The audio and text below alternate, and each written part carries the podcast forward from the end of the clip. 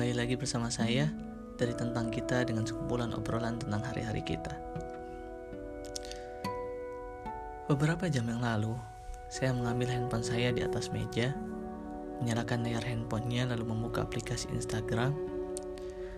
Tidak, saya tidak ingin membahas tentang penyakit mental yang dialami banyak orang akhir-akhir ini, efek dari bermain Instagram.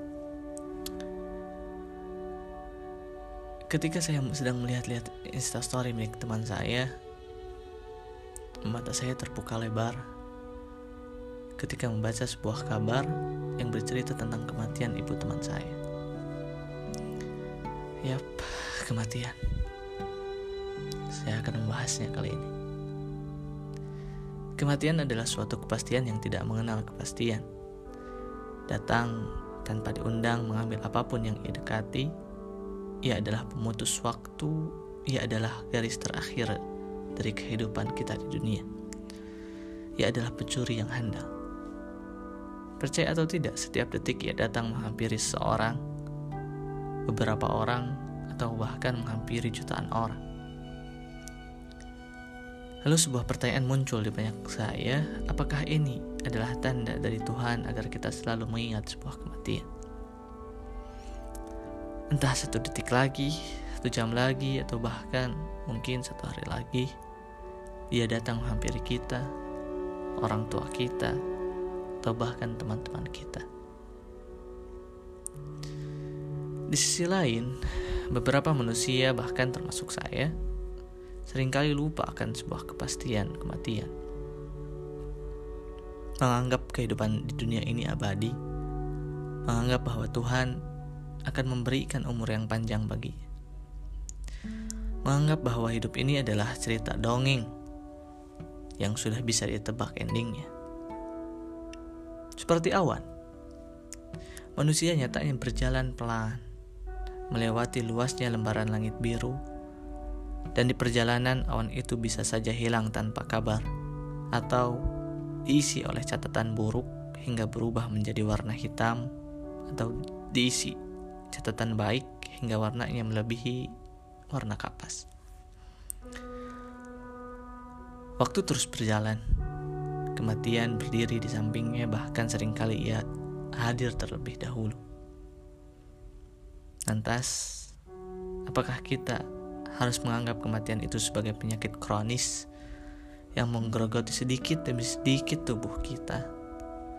Atau kita menganggap kematian itu sebagai madu termahal dan termanis yang ada di dunia. Jawaban dari pertanyaan itu kembali pada diri kita sendiri. Seperti apa catatan perbuatan kita selama di dunia? Jika kita merasa bahwa catatan perbuatan kita di dunia adalah buruk, itu akan membuat diri kita merasa ketakutan yang sangat menghantui kita setiap malam, membuat kita ragu apakah Tuhan akan menerima kita sebagai hambanya. Sedangkan di sudut lainnya, jika kita merasa bahwa perbuatan baik kita di dunia cukup baik, itu akan memberikan kepada kita sebuah kebahagiaan, membuat diri ini merasakan bahagia yang sangat hebat.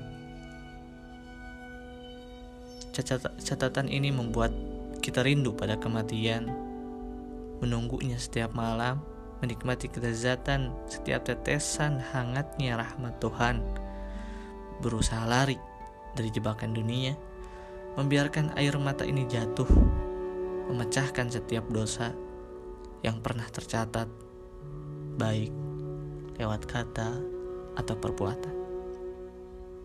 Lalu di mana jalan keluarnya? Pertanyaan ini sering kali muncul di benak saya tatkala saya merasakan semakin tersesat dalam liarnya kehidupan. Hidup ini membebani saya.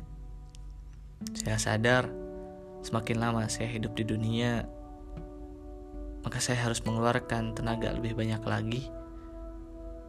Saya sadar bahwa saya ini sedang ada dalam perang, Entah siapa yang akan keluar jadi pemenang, tapi tanggal kematian kita telah ditentukan, dan kini tugas kita hanyalah sadar dan berusaha.